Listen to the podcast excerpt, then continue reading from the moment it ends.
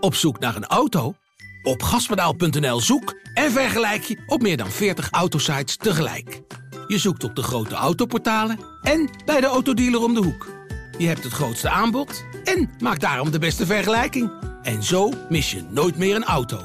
Zoek en vergelijk op gaspedaal.nl.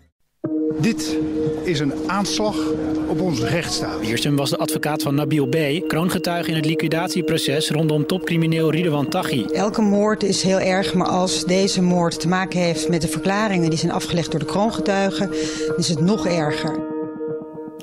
Welkom bij de Taghi-podcast van Het Parool. Mijn naam is Corrie Gerritsma en ik zit hier met misdaadjournalisten Paul Vugts en Wouter Laumans.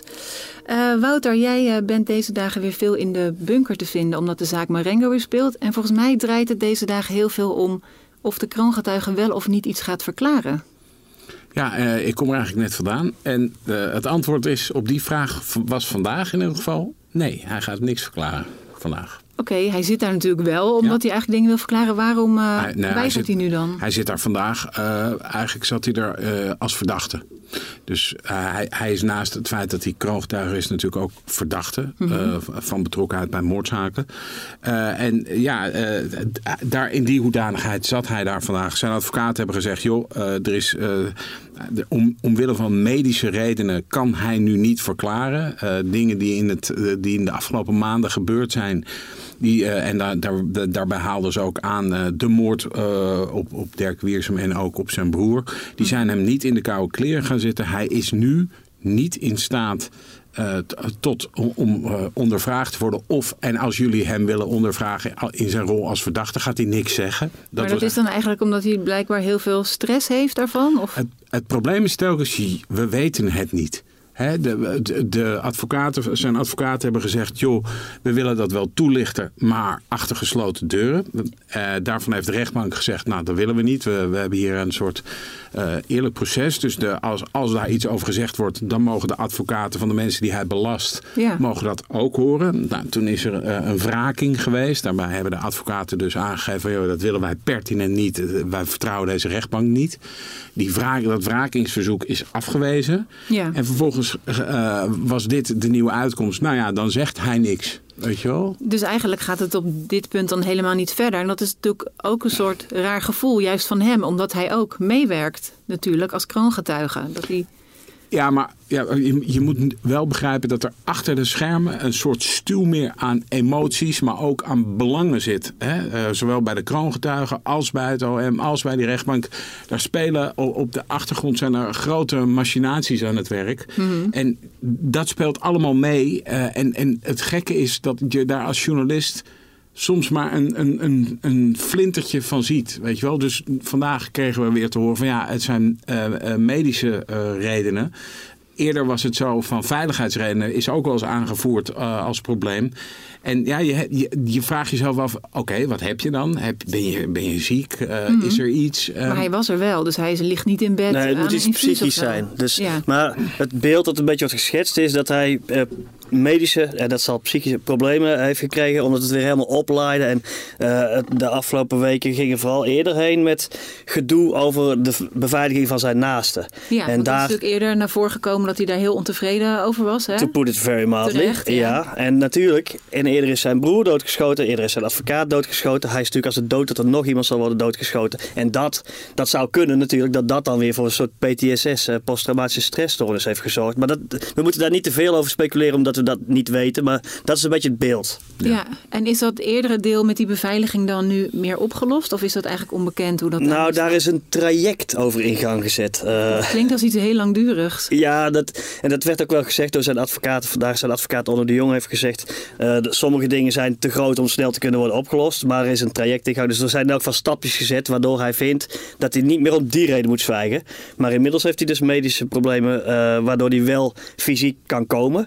Maar uh, de rechtbank zei wel, we hebben wel informatie, of dat was het OM denk ik, dat er een arts is geweest uh, bij hem. Dus hij is wel bezocht. Alleen wat die arts heeft bevonden, dat stuk papier, dat is nog niet ingebracht. Maar goed, als er dan, uh, morgen is er volgens mij weer een zitting, of later op deze weken. Uh, als hij hetzelfde blijft zeggen, dan, dan komt er natuurlijk geen schot in de zaak. Als hij nog steeds weigert dan te verklaren. Want als je echt ja, zo'n stressprobleem hebt, is dat niet morgen opgelost natuurlijk. Een schot in het Marengo-proces, eh, dat, eh, dat is sowieso iets wat totaal tegenstrijdig is. Dat gaat niet snel. Nee, oké. En er wordt ook de hele tijd aangehaald, joh, er is tijd genoeg en er is tijd genoeg. En ja, voor mij, ik weet niet hoe dat voor Paul is, maar ik heb het uh, ook wel eens ergens anders gezegd. Het is gewoon uh, één stap vooruit, twee stappen terug op dit soort dagen. Je bent... Uh, je zit daar in die rechtbank met, met wat collega's en op dat moment dan gaat die zaak van start. En mm -hmm het detoneert zo enorm met hoe dingen in andere zaken gaan. Het is el elke keer dat je het idee hebt van joh. We zijn een beetje op weg en dan stopt het weer. We zijn een beetje op weg. Mm. Zo'n een, een, boemeltreintje wat elke keer weer stopt. En het, het, detoneert vooral ook met de aard van de zaak, met de, de, aanklachten. Weet je wel, we hebben het over een kerkhof aan doden, als ik een klein beetje overdrijf. En we zitten de hele tijd te, te zeiken over, sorry de, voor de term, over de kroongetuigenending. En dat is met die grote processen vaker zo. Daar gaan we ja. het zo ook nog over hebben. Maar dat, dat vind ik wel frustrerend soms. Van, wat moet je nou, stel je bent nabestaande van uh, een van de slachtoffers. Stel je bent ja. op een andere manier betrokken. Uh, of je bent de verdachte die heel, heel graag uh, zijn onschuld wil bepleiten. En het gaat dag na dag na dag de hele tijd maar over dit soort gedoe. Ja. Nou ja, uiteindelijk was het vandaag dus, denk ik, een uur of twee, half drie dat we uiteindelijk begonnen aan de behandeling van de feiten. Het ging vandaag over uh, een moord uit 2017. En dat er dan voor het eerst werd er dus ingegaan op van... joh, wat zijn de gebeurtenissen geweest en wat is jouw rol daarin? Of wat is de rol van de mensen die hier vandaag terecht mm -hmm. staan? Wat is hun rol daarin geweest en wat hebben zij daar zelf over te zeggen? Dat betekent dus dat je eigenlijk al meer dan een halve dag kwijt bent aan procedures, aan, ja. aan gesteggel over uh, uh, wat doen we nou met die kroongetuigen. En ik snap dat het allemaal belangrijk is, want de rechtsgang dient vooral uh, zorgvuldig plaats te vinden. Maar het is wel dat je denkt, ja, oké okay, jongens, uh, wanneer...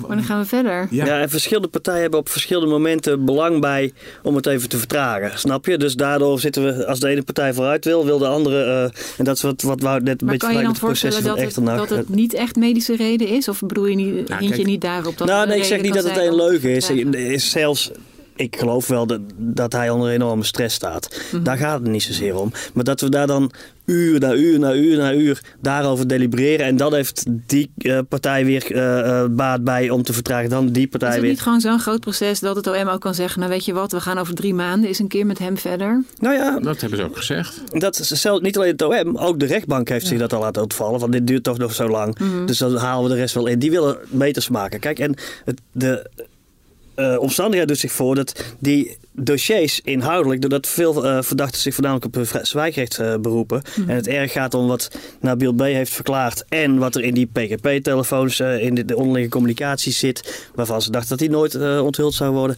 Dat is de basis onder het dossier. Dus die dossiers zijn best overzichtelijk. Mm -hmm. Ik zeg niet eenvoudig, maar wel overzichtelijk. Het, eigenlijk gaat nu veel meer tijd heen met het gedoe eromheen dan om de dossiers zelf. Te meer omdat veel verdachten zwijgen. Dus dat kost niet zoveel tijd. Voorhouden en zwijgrecht. Voorhouden, ja. zwijgrecht. Ja. Ja, vanda vandaag begon uh, Morazuki, een van de, van de belangrijkere verdachten in deze zaak. Die begon opeens eigenlijk best wel uh, over van alles en nog wat te praten. En ik moest zeggen, dat ik dacht, hé, hé oké, okay, nu hebben we eindelijk eens een keer een, een, een moment van... Uh, een proces wat vrij betrekkelijk normaal verloopt. Uh, toen hij begon te praten ging er trouwens ook een, uh, werd het ook gelijk onrustig bij sommige advocaten. Ja. Van hey, hey, hey, wat, wat, wat gaat hij? Hij, zit, hij, gaat praten, wat is dit, weet ja. je wel. Maar dat, dat, ik vond het wel een soort, en met het risico dat je het bekijkt als een soort voetbalwedstrijd. Maar ik vond het wel een soort, soort verfrissende afwisseling van wat ik de afgelopen tijd... Je bent wel even met de inhoud bezig. Ja.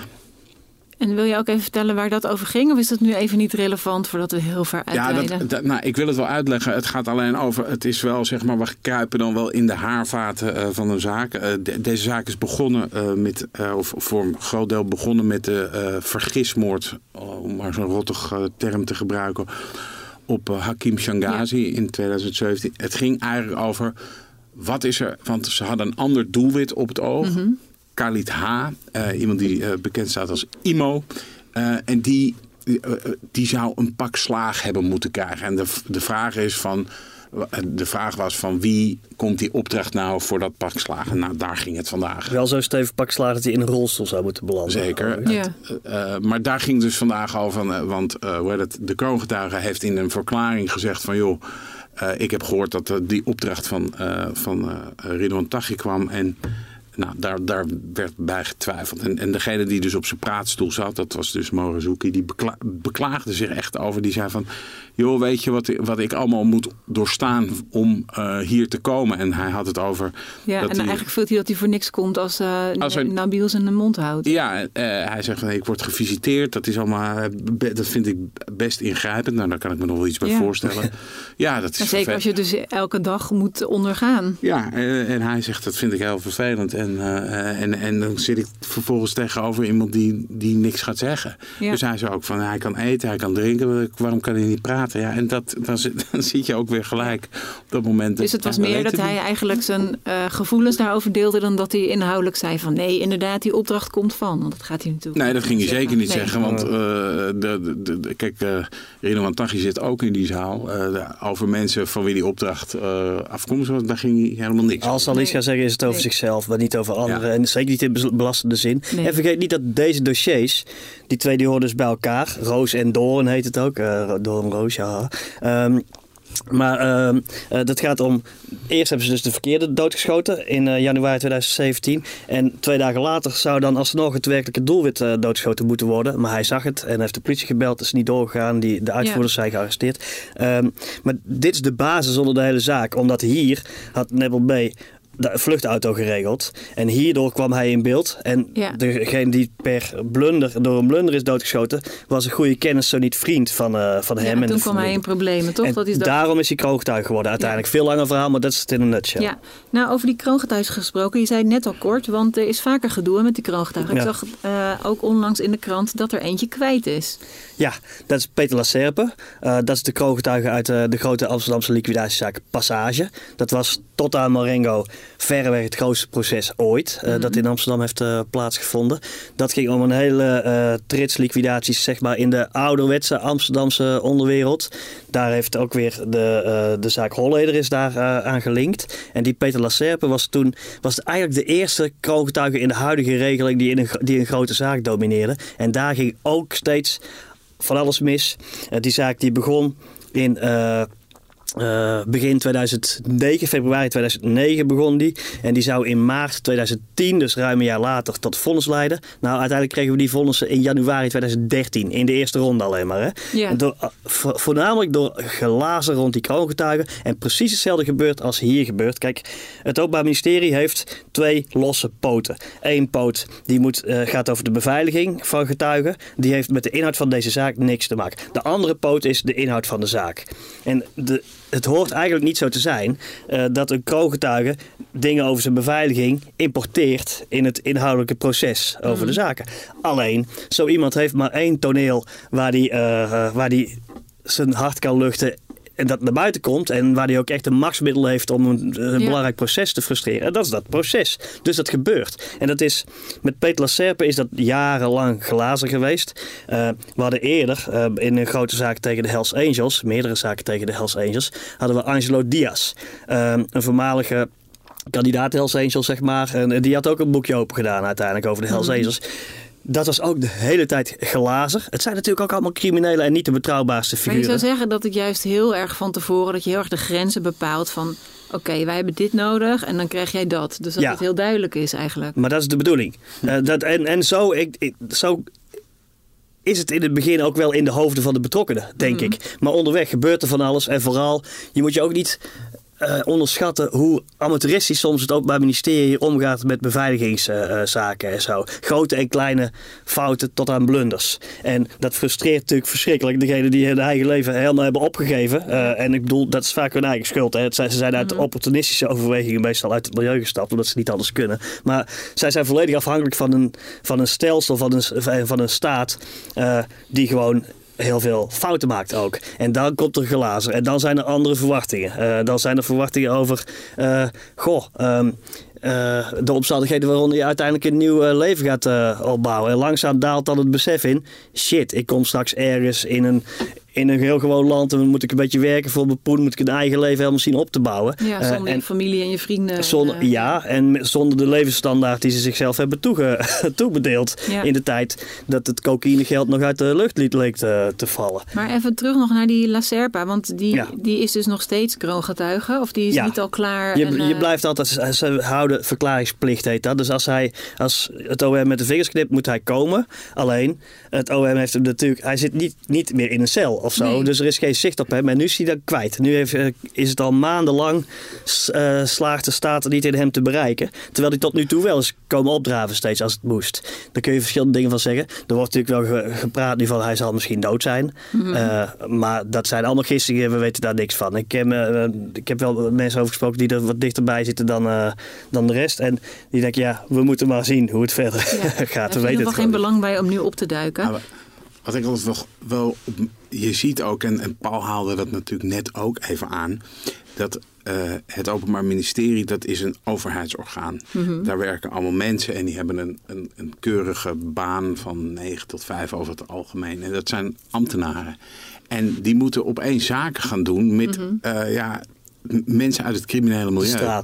En dat zijn wilde brassen. En dat zijn mensen die eh, eh, over het algemeen een play-as-you-go mentaliteit erop nahouden. Dus ja, we zien het nu wel, is het zo. En dan over een week is het weer zo. En als het met dit dan er even beter uitkomt, dan wordt het weer zo. En dat komt eigenlijk eh, nu, weet je wel, je ziet het nu naar voren komen in, in dat Marengo-proces. Maar je zag het ook al eerder, dat, dat je gewoon, dat het OM soms denkt, er ligt een, een afspraak. Eh, en dat Ja. zo'n zegt, ja, maar als het nu zo, als dit nu gebeurt, dan ligt het mensen allemaal weer... je denkt, ik, die houden zich altijd aan de afspraak, sowieso. Nou, Nee, het zijn jongens die altijd een kaart in hun mouw houden. Het zijn Ja. diepe, diepe criminelen. En in de onderwereld kun je alleen maar overleven als je verschillende agenda's uit elkaar, naast elkaar hebt bestaan. En eh, intriges en zo, als je daarmee kunt spelen.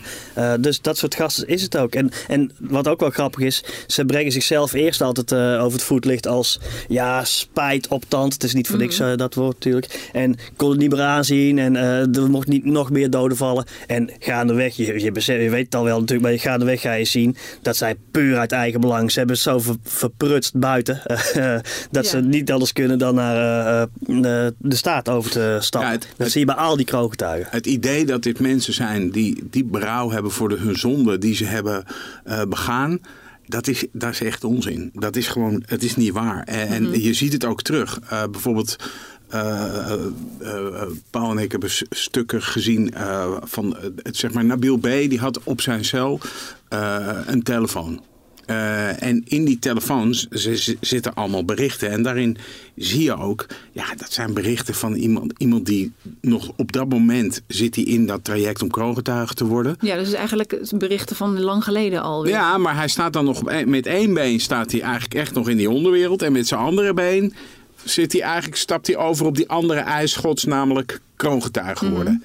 Maar je ziet, dat zijn, zijn, zijn, het is echt nog een jongen van de straten. Een bepaalde liquidatie vindt hij gewoon terecht. Dat staat er met zoveel woorden. Ja. Ja. eigen schuld. Maar even, hoe, hoe eh, zit het met die telefoon? Heeft hij die lang in zijn cel gehad? Ja, die telefoon, dat zullen we nog heel veel in Dat het proces dat is over, dit, eh, in dit proces is die telefoon, dat wordt, eh, dat is... Dat Hij had is, twee. Hij had een Blackberry waarmee hij versleuteld kon eh, communiceren. Maar daar kun je verder niks mee. Daar kun je dus niet sms-appjes mee sturen en ook geen foto's en bellen. Ehm, en hij had een iPhone 5. En officieel eh, had hij die stiekem. Eh, ik denk dat het OM wist. Dat, Het klinkt dat een beetje dat gek officieel. Ja, dus, dus naar buiten is gebracht dat hij die stiekem had. Eh, ik denk dat dat niet waar is. Ehm, maar in elk geval had hij voordat hij die deal tekende. Waarom denk je dat het niet waar is? Dat... Ja, ik denk dat dat later gaat uitkomen. Oké, En, Oké, sorry. Oké, dus oftewel het OM of justitie heeft er belang bij dat hij nog zou communiceren met andere mensen Ik denk die dat, buiten dat, zijn. dat in elk geval justitie niet een keihard belang zag om het eh, de onverbiddelijk eh, te stoppen. Het zit natuurlijk in een hele spannende situatie. Gaat hij wel of niet die deal uh, spreken? Dat is spannend Nou, voor hem, wow, spannend wow, voor de staat. Wist Nabil, Nabil dan ook dat justitie wist dat hij die telefoon had? Nou ja, hij- waar dat hij is onduidelijk. dan- Dat, bij de Ja. berichten die we nu kennen is dat niet duidelijk. Ja. Eh, er wordt wel naar gevraagd ook. eh, want eh, de, de communicatie is tussen hem en een zus en tussen hem en een broer. Ja, dus Eh, best wel privé eigenlijk. Ja, en ik denk dat er nog veel meer, veel privéer eh, is gecommuniceerd dan we nu hebben kunnen zien. Maar we, we hebben, Wouter en ik hebben een stuk over bepaalde lijnen ervan eh, gezien. Die zitten inmiddels ook, ook in, eh, eh, in de dossiers. En eh, ja, daar zie je ook wel dat een broer bijvoorbeeld vraagt van ah, alles wordt toch afgeluisterd, dus zij weten heus wel dat jij hier communiceert. En dan zegt hij nee. Eh, Oké. en, Maar, we weten dus ook niet of ze dat toen al wist of dat het dus achteraf toen die telefoon Ja, je- gewoon gevonden is. Je moet, je moet het ook een beetje zien in het tijdsgevricht. Wat, Ja. Dat is wel belangrijk. Hè? Want in, die Marengo, in dat Marengo-proces zijn die PGP-berichten Ja. extreem belangrijk.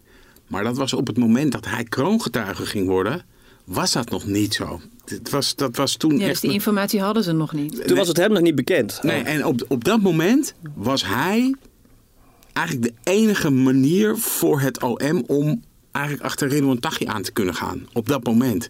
Dus op dat moment had hij ook een positie naar dat OM toe. Van joh, ik ben jullie enige manier om, om, om, deze, eh, om deze zaak te Want ze hadden wel een andere getuige die ooit een politiebureau was binnengelopen omdat hij dacht eh, Mhm. te worden doodgeschoten in naam van Tachi. En die had wel dingen verteld, maar dat was gewoon een getuige. En Nebel B, wat Wout zegt, kon echt de gamechanger zijn voor deze zaak. Op dat moment. En later is daar eigenlijk nog een gamechanger bijgekomen. Die PGP-berichten. Ja. Maar op dat moment was hij, was hij het. Het Dus- ligt de weg en de waarheid. Ja, maar even kijken. Hij heeft dus een telefoon. Hij kan communiceren met de buitenwereld. Dat Ja. is meestal niet de bedoeling als je eh, Nee. opgesloten zit en moet getuigen. Dus wat voor invloed heeft dat? Heeft dat nog het proces of verstoort dat nog heel Nou, erg op twee verschillende manieren heeft hij gecommuniceerd. Hij heeft, gek genoeg, eh, met de huidige verdachte heeft hij met die PGP eh, gecommuniceerd. En dat zijn bedoeling was te zorgen dat zij hem... Zij waren natuurlijk wantrouwend. Hij had Dus zich, Dat was nog zijn oude werkrelatie, ja, zeg maar dan. hij had zich in Amsterdam laten oppakken in de PC Hoofdstraat met een vuurwapen. Ja. En dat is raar, want hij had nooit... Hij was wel voorzichtiger dan dat. Dit, dit- dus dat zou raar kunnen worden gevonden. Maar hij was heel bang dat voordat hij een deal had... en voordat er allerlei bescherming werd opgetuigd... ook voor zijn naasten... dat die verdachten het al eh, door hadden... en dat ze iemand eh, uit zijn wereld, wat later helaas gebeurd is... iets zouden aandoen. Ja. Dus hij probeert via die PGP te doen... ik ben er nog en eh, nou ja, gewoon een beetje communiceren. Met die iPhone lijkt er nu op, voor zover we weten... eh, Zit hij met zijn eh, familie eh, is hij aan het communiceren. En ook over dingen die er buiten gebeuren. En zo. Advocaten van de verdachte zullen straks zeggen: Ja, wacht even, hij heeft misschien een deel van zijn verklaring wel bij elkaar gegoogeld. Weet je wel? Hij, hij zegt gewoon met zoveel woorden: schrijft hij dat hij op Google kan. Dat hij de wifi-code heeft achterhaald van waar hij zit. Maar is, En- het, is het een relevante opmerking van, Ja. de, van de... Wat, wat er relevant aan is, is als dat nou zo... is- Kijk, een eh kroongetuige is van belang omdat hij uit eigen wetenschap, zoals dat Ja. heet, verklaring kan afleggen. uit de eerste hand. Als hij allemaal dingen bij elkaar heeft eh, eh, gegoogeld en eh, een beetje zit te puzzelen, gelezen, dan is dat natuurlijk is, niet ja. meer van belang als verklaring. Ja. Moet ik bijzeggen dat er in die tijd nog niet zo heel veel online stond dat je de hele verklaring bij elkaar kon googelen. Dat kan niet. Maar Mhm. goed, dat komt allemaal later. Let maar op, dat gaat allemaal nog spelen. Ehm, maar dat hij dus die twee... Het is ook niet het is wel enigszins te begrijpen dat het OM niet heel erg eh, erop is eh, gaan jagen of zo. Dit, dit past eigenlijk wel in die hele eh, periode waarin alles nog wankel is. Het OM wil hem als kroongetuige binnentrekken. Hij wil de veiligheid van zijn, zijn naasten waarborgen. Hij wil voelen aan, de, aan de buitenwereld. Is het echt mijn enige kans om te overleven om kroongetuige te worden? Of zou ik nog terug kunnen? Nou ja, achteraf was het antwoord nee, terug Nee, is geen optie meer. Nou ja, dus dat zijn allemaal redenen waarom hij die communicatiemiddelen heeft en waarom het allemaal zo interessant gaat zijn natuurlijk. Er zitten heel veel berichten in die iPhone. En hij heeft ook eh, berichten gewist die toch wel weer zijn teruggehaald. Dus als jij ervan uitgaat dat jouw iPhone nooit gepakt zal worden, dan hoef je niks te wissen. Kennelijk zijn de berichten die hij ook heeft willen wissen, ondanks dat hij al dacht, eh, eh, die iPhone is toch geheim. Maar Eh, en die zijn leesbaar gemaakt. Kan Dus- je iets vertellen over hoe hij dan met zijn familie communiceert? Of met zijn broer en zijn zus, zei hij. Ja, kijk, nou ja, bijvoorbeeld nog een interessante zaak die erin zit. Ehm, december 2017 wordt zijn toenmalige, tot voor kort beste vriend, Mo Razuki, of wie we het net al hadden, wordt beschoten. Die willen ze liquideren, niet gelukt. Voor een shisha lounge in Utrecht. Ehm, en Morazuki heeft in het proces ook nu gezegd dat heeft Nebel B is daarbij betrokken geweest. Daar ben ik van overtuigd. Nou, in die berichten, en dit spreekt dan een keer in het voordeel van Nebel B, is heel duidelijk, hij schrikt ontzettend van het bericht dat, eh, dat er een aanslag is geweest op uh, Morazuki. En dan gaat hij samen met een zus, zit hij heel erg te speculeren. Zou het uit die hoek kunnen komen? Zou het uit die hoek kunnen komen? Is het, zijn het de Shengashis, dus die, eh, de, de andere grote onderwereldfamilie, eh, waar dan die, door een blunder die eh, eh, ene Telguits is eh, vermoord? Of is het juist de groep T. Tachi wordt in Utrecht alleen met een T uh, aangeduid in die periode. Ze durven zijn naam niet te noemen. Ja. Um, en En je ziet dat hij dat. En, en dan zei dat stukje, hè, een stukje uit het parool. Dat, het begint allemaal mee dat het. eh, eh, het parool.nl staat een eh, stuk over, zegt die eh Neppel B tegen een zus. Nou, en dat gaat erover dat er. Er was een zitting geweest. Ik was gewoon bij die zitting, ik maak gewoon de verslagjes, helemaal geen groot nieuws. Maar eh, en in die zitting was gebleken dat er ook weer van die PGP-berichten, geheime berichten, over eh, die specifieke moorden waar hij, een moord en eh, moordpoging waar hij dan aan eh, gelieerd was, in zaten. Dus hij vond het heel eh, heftig dat dat nu online eh, stond op. En dat hij eh, zijn naam, uh, Nebel B, voor het eerst was eh, eh, genoemd openlijk. En dat zie je, je ziet dat dit half sociaal contact is en half aftasten. Hoe zit dit, hoe kan dat en zo. En ik, ik denk van dat aftasten en zo en, en van privégesprekken, daar gaan we nog meer van krijgen, denk ik. Ja, je krijgt natuurlijk ook, wat je ook waarschijnlijk te zien krijgt, dit gaat, zo'n zo'n deal gaat over veiligheid, maar gaat bijvoorbeeld ook over geld. Dat Ja. het zal ook over geld ge- gesproken. Hoe ga jij later, eh, als, je, als dit allemaal eh, op een dag achter je is, eh, hoe ga jij in je levensonderhoud voorzien? Er zijn met Peter Lacerpe zijn financiële afspraken gemaakt. En de kritiek natuurlijk van advocaten van de verdediging is altijd van ja, maar daardoor. Daar, dat is een soort incentive om eh, nog eens even extra belastend Je te koopt een te getuige. verklaren. Je En dat koopt mag hem. niet van de wet. Je mag de staat mag alleen maar strafvermindering toezeggen en, en verder geen financiële zaken. Bij Peter Lacerpe ging het over, hebben ze hem uiteindelijk dan maar toegestaan dat hij eh, uiteindelijk zijn eigen beveiliging mocht gaan regelen. Want die had natuurlijk ook geen vertrouwen in het OM. En voor een deel terecht, denk ik. Maar 1,3 miljoen ging dat over. Eh eh, belastingcenten aan een boef. Eh, Ja. Alleen, dat zat natuurlijk weer genuanceerder in de kaart. Zullen we niet te lang over uitweiden. Maar er was een deels een renteloze lening. Waarmee hij dan zelf zijn nieuwe leven moest gaan opzetten. Een bedrijfje opzetten. Hij, kijk, Ja. zo iemand krijgt geen VOG ergens. eh, niet in Nederland, maar daar blijft hij niet. Maar ook niet waar hij komt. Dus er is wel van alles voor te zeggen. Maar advocaten zeggen natuurlijk meteen, wacht even, 1,3 miljoen. En jullie hebben hier een getuige gekocht. Dat mag niet van de wet. Ja. Dat krijgen we hier ook. En het is natuurlijk ook niet ondenkbaar. Hè? En dat is, dat is speculeren van mijn kant, zeg ik er hier wel gelijk even bij. Maar het is natuurlijk ook niet ondenkbaar dat iemand die met één been in de onderwereld staat. en met zijn andere teen al een beetje eh, eh, naar dat kroongetuigenschap aan het gaan is. misschien wat losse eindjes. Eh, in, de, in die onderwereld wel wil oplossen. Misschien krijgt hij nog geld van iemand of moet er nog iemand betaald worden. Ja. Hè, dat zijn, Om in dat ieder zijn, geval een paar mensen rustig te houden. Of, ja, dat, dat zijn allemaal dingen die uit zo'n telefoon. En ik zeg niet dat het gebeurd is, maar het, dat zou, eh, in theorie zou dat allemaal zo naar voren kunnen komen. En ik snap dus ook dat die advocaten daar heel erg op, op gebeten zijn. Omdat die zeggen, ja, zie, jij heeft gewoon, terwijl die, je hoort het alweer in de rechtszaal, terwijl die dus in gesprek is met de OM, zit hij ondertussen nog Precies allemaal criminele dingen te doen als de mensen waar die, eh, die die Ja. beschuldigt. Ja, Dat, dat, precies hetzelfde is bij de, weer een andere kroongetuige in hetzelfde grote Amsterdamse liquidatieproces Passage. Fred Ros, zware crimineel. Ehm, en die tegen wie 30 jaar, eh, die 30 jaar had gekregen in de eerste ronde van Passage voor eh, het zijn van moordmakelaar. Eh, tegen wie het OM notabene levenslang had geëist, maar de rechtbank had 30 jaar gegeven. Die is uiteindelijk ook kroongetuige geworden. En daar zitten ook allerlei machinaties, machinaties rond geld. En hij, is- hij moest poen krijgen van de organisatie. Van, dat is altijd zo, als eentje gepakt wordt, dan betalen ze zijn advocaat, dan betalen ze zijn eh, eh, gezin en alles. Zo ook omdat hij dan zijn mond misschien beter gaat Ja. houden. Nou ja, dat speelt altijd in dit soort zaken. En dat soort dingen krijg je bij kroongetuigen. Bij dit soort communicatie komt dat vast en zeker ook allemaal weer terug. Ja. En die eh, berichten die zijn dus allemaal gelezen hè, door justitie. Ja. Betekent dat ook dat eh, de verdediging die kan zien? Is dat Ja, een druppelsgewijs komt dat. is gewoon echt openbaar. gede- eh, ge- ja, wat Paul zegt. In de dossiers zit het. Het is dat niet openbaar. Het, komt niet, eh nee, het komt niet geen dat wij het persbericht over. allemaal kunnen lezen. Nee. Nou ja, het is werk Maar als van, kunnen het wel mij. gebruiken als munitie ook. Beide partijen kunnen het Ja. gebruiken om... En het zal daar veel over gaan. En eh, kijk, ehm, en het, eh, druppelsgewijs komt het nu in de dossiers, omdat het natuurlijk, en het OM zal zeggen, ja, dit stukje is nu relevant en een ander stukje is misschien later relevant. Het OM zal misschien proberen sommige stukken niet te hoeven inbrengen, want ehm, soms, misschien zijn er zaken wel heel privé en pijnlijk, eh, eh, maar ja, je ziet in zo'n groot proces dat uiteindelijk druppel, druppel, druppel, toch wel een be- behoorlijk beeld altijd ontstaat van wat er... wat er is. Ja. En, en ook van de psyche van die uh, van kroongetuigen. En dat, ehm, en het kon tegen de krip gooien uh, gaandeweg het proces. Wat nu dus lijkt te gebeuren met uh, Nebel B. Wat eerder heel vaak en lang is gebeurd door uh, Peter Lacerpe. Wat eerder door die Angelo Diaz van de Hells Angels is gebeurd. Want die, wat grappig is... Ja, dat hebben we niet afgemaakt, het stukje. Nee, je maakt het nu af. De, ja. ja, kwam ik op.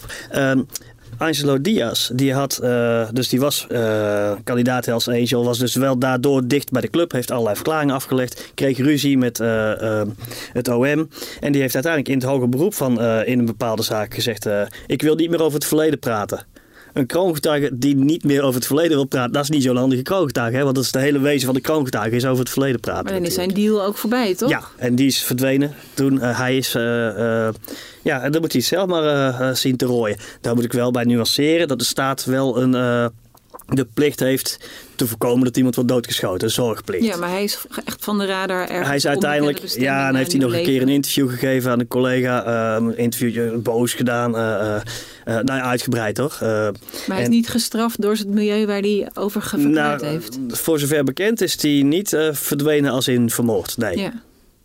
Oké, dus dat zou bijna zeggen dat Nabil ook nog uit kan stappen. Dat het in ieder geval een optie is. Nou ja, kijk, maar dat, dat, wordt wel een minimalistische uh, manier van overleven dan. Hè? Want de staat moet wel uh, proberen ervoor te zorgen dat je niet wordt uh, vermoord. maar we zetten nu wel te veel stappen, wat de BLB ja, betreft, te veel stappen vooruit. Het, het, het, geeft aan, het geeft aan dat die, dat, die, dat die onderwereld natuurlijk dat daar uitstappen. Ja, dat is gewoon een beetje dat, dat zinnetje uh, van Hotel California. You can check out anytime you like, but you can never leave. En dat is ook echt een beetje in die wereld. Je kan, je kan kroongetuige worden, maar je, gaat, je komt er nooit eigenlijk meer helemaal vanaf. Dat is eigenlijk de essentie van, van wat, er, wat, er, wat er hier ook uh, aan de hand is. En daarbovenop komt nog, je kunt uh, de crimineel wel uit de, de misdaad halen, maar niet de hele misdaad uit de crimineel. Je, dus ze blijven toch altijd ka karakterstructuur het wordt, en zo. Het wordt nooit, het wordt nooit een brave uh, groenteboer op de hoek. Dat zie je ook in, in, in kroongetuigenverhalen in Amerika. Dat is, daar hebben ze een heleboel mafioso die, uh, die, ja, die, die dan in zo'n uh, getuigenbeschermingsprogramma worden opgenomen. En die worden dan ergens in, in een boerengehucht in Ohio worden die gedropt. En die beginnen eigenlijk soms wel uh, binnen een paar uh, jaar alweer met kookdealen en, en gokpraktijken. En die, weet je wel, dat is, ja. er zijn echt legio voorbeelden van. Dat die, het zit natuurlijk gewoon, zo'n leven schud je nooit meer van je af. Ja. Nou ja, en vergis je niet, ze, bijna allemaal gaan ze uiteindelijk in zo'n uh, stelsel omdat ze in paniek zijn. Ze hebben het buiten helemaal verkloot. Ze zien geen andere uitweg dan overlopen naar het OM. Maar dan zitten ze wat rustiger, langere tijd in de cel. En dan denk ze, shit, dus wat ik straks voor leven zelf moet opbouwen, dat is, moet ik heel hard werken voor weinig centen. En het wordt heel sober en ik zal nooit meer iemand zien en zo. En dan oh, kan, het, kan het, eh, de staat mij wel voor altijd goed beschermen? En hoe moet het dan? En wat gaat er allemaal wel mhm. niet mis? En dan begint het muiten. Uh, dat dat is eigenlijk... Er zijn overigens, moet ik ter nuancering nog wel bij zeggen, ook zaken waarin het met kroongetuigen prima is gegaan. Alleen dat zijn kleinere zaken. Mensen bij het OM zijn altijd een beetje... Die kennen we dan ook niet. Nou ja, deels. Er, zijn, er is bijvoorbeeld wel Richard T. was een kroongetuige tegen Rob Segerius, een grote crimineel. Dat is redelijk overzichtelijk gegaan allemaal. En, alleen die zaken krijgen natuurlijk... Uh, die, die zijn voor ons inhoudelijk soms minder interessant. Of juist doordat het allemaal soepeltjes gaat en zo, uh, is het mhm. zo kort, uh, korte processen. Dan vergeten we dat weer en zo. Dat vinden ze bij het OM bijvoorbeeld wel, wel vaak vervelend. Waarop ik zeg, we schrijven bij het Perron natuurlijk niet over al die treinen die aankomen op uh, Amsterdam CS en op tijd vertrekken. We, we schrijven over die trein die verongelukt op spoor B, 2B. En ja, dat is, en dat is met kroongetuigen niet anders natuurlijk. Zo is het ook. Uh, Wouter, de komende weken nog veel Marengo in Amsterdam? Nou, de komende tijd zal het veel over Marengo gaan, ja. En, maar dan zonder... Het proces gaat wel stil liggen trouwens, hè? want we krijgen nog een paar zetten dan vakantie. Maar eh, even kijken. Er, komt, uh, er is vrijdag nog een zitting. Dan is er volgende week een proforma zitting. Ja, waarin ze regie proberen te voeren over hoe het nu verder, wat er allemaal moet gebeuren. Ja, dan is, is er nog soort één belangrijk dossier wat dan voor de vakantie nog ter sprake komt? Of moeten we een tijdje wachten? Uh, ik denk dat het, dat het voor een groot gedeelte over de zomer getild zal gaan worden. En daar, daar, daar zie je ook iedereen een beetje... Het, het lijkt er ook een beetje op alsof die rechtbank daar naartoe een beetje stuurt van joh, laten we nu eens even, uh, even, op, adem komen. even op adem komen. Ja. Maar vergis je niet dat we vanaf augustus ook een aanpalend proces Eris, uh, nog van Calawago, gaan hebben. Dat interveneert op allerlei manieren met Marengo en zo. Dus we, we, gaan, het, we gaan nog heel veel moeten vertellen, uh, willen vertellen. maar voor vandaag moeten we het hier misschien even bij laten. Ja, en ik heb natuurlijk een tip voor al onze luisteraars. Want omdat wij zelf ook nog niet precies weten wanneer er weer een aflevering is, abonneer je op deze podcast en je bent de eerste die weet als er een nieuwe aflevering is om te downloaden. Uh, dankjewel Paul Vugts, dankjewel Wouter Laumans. Mijn naam is Corrie Gerritsma en wil je iets weten nog verder van Paul of Wouter, mail naar tachi.parool.nl.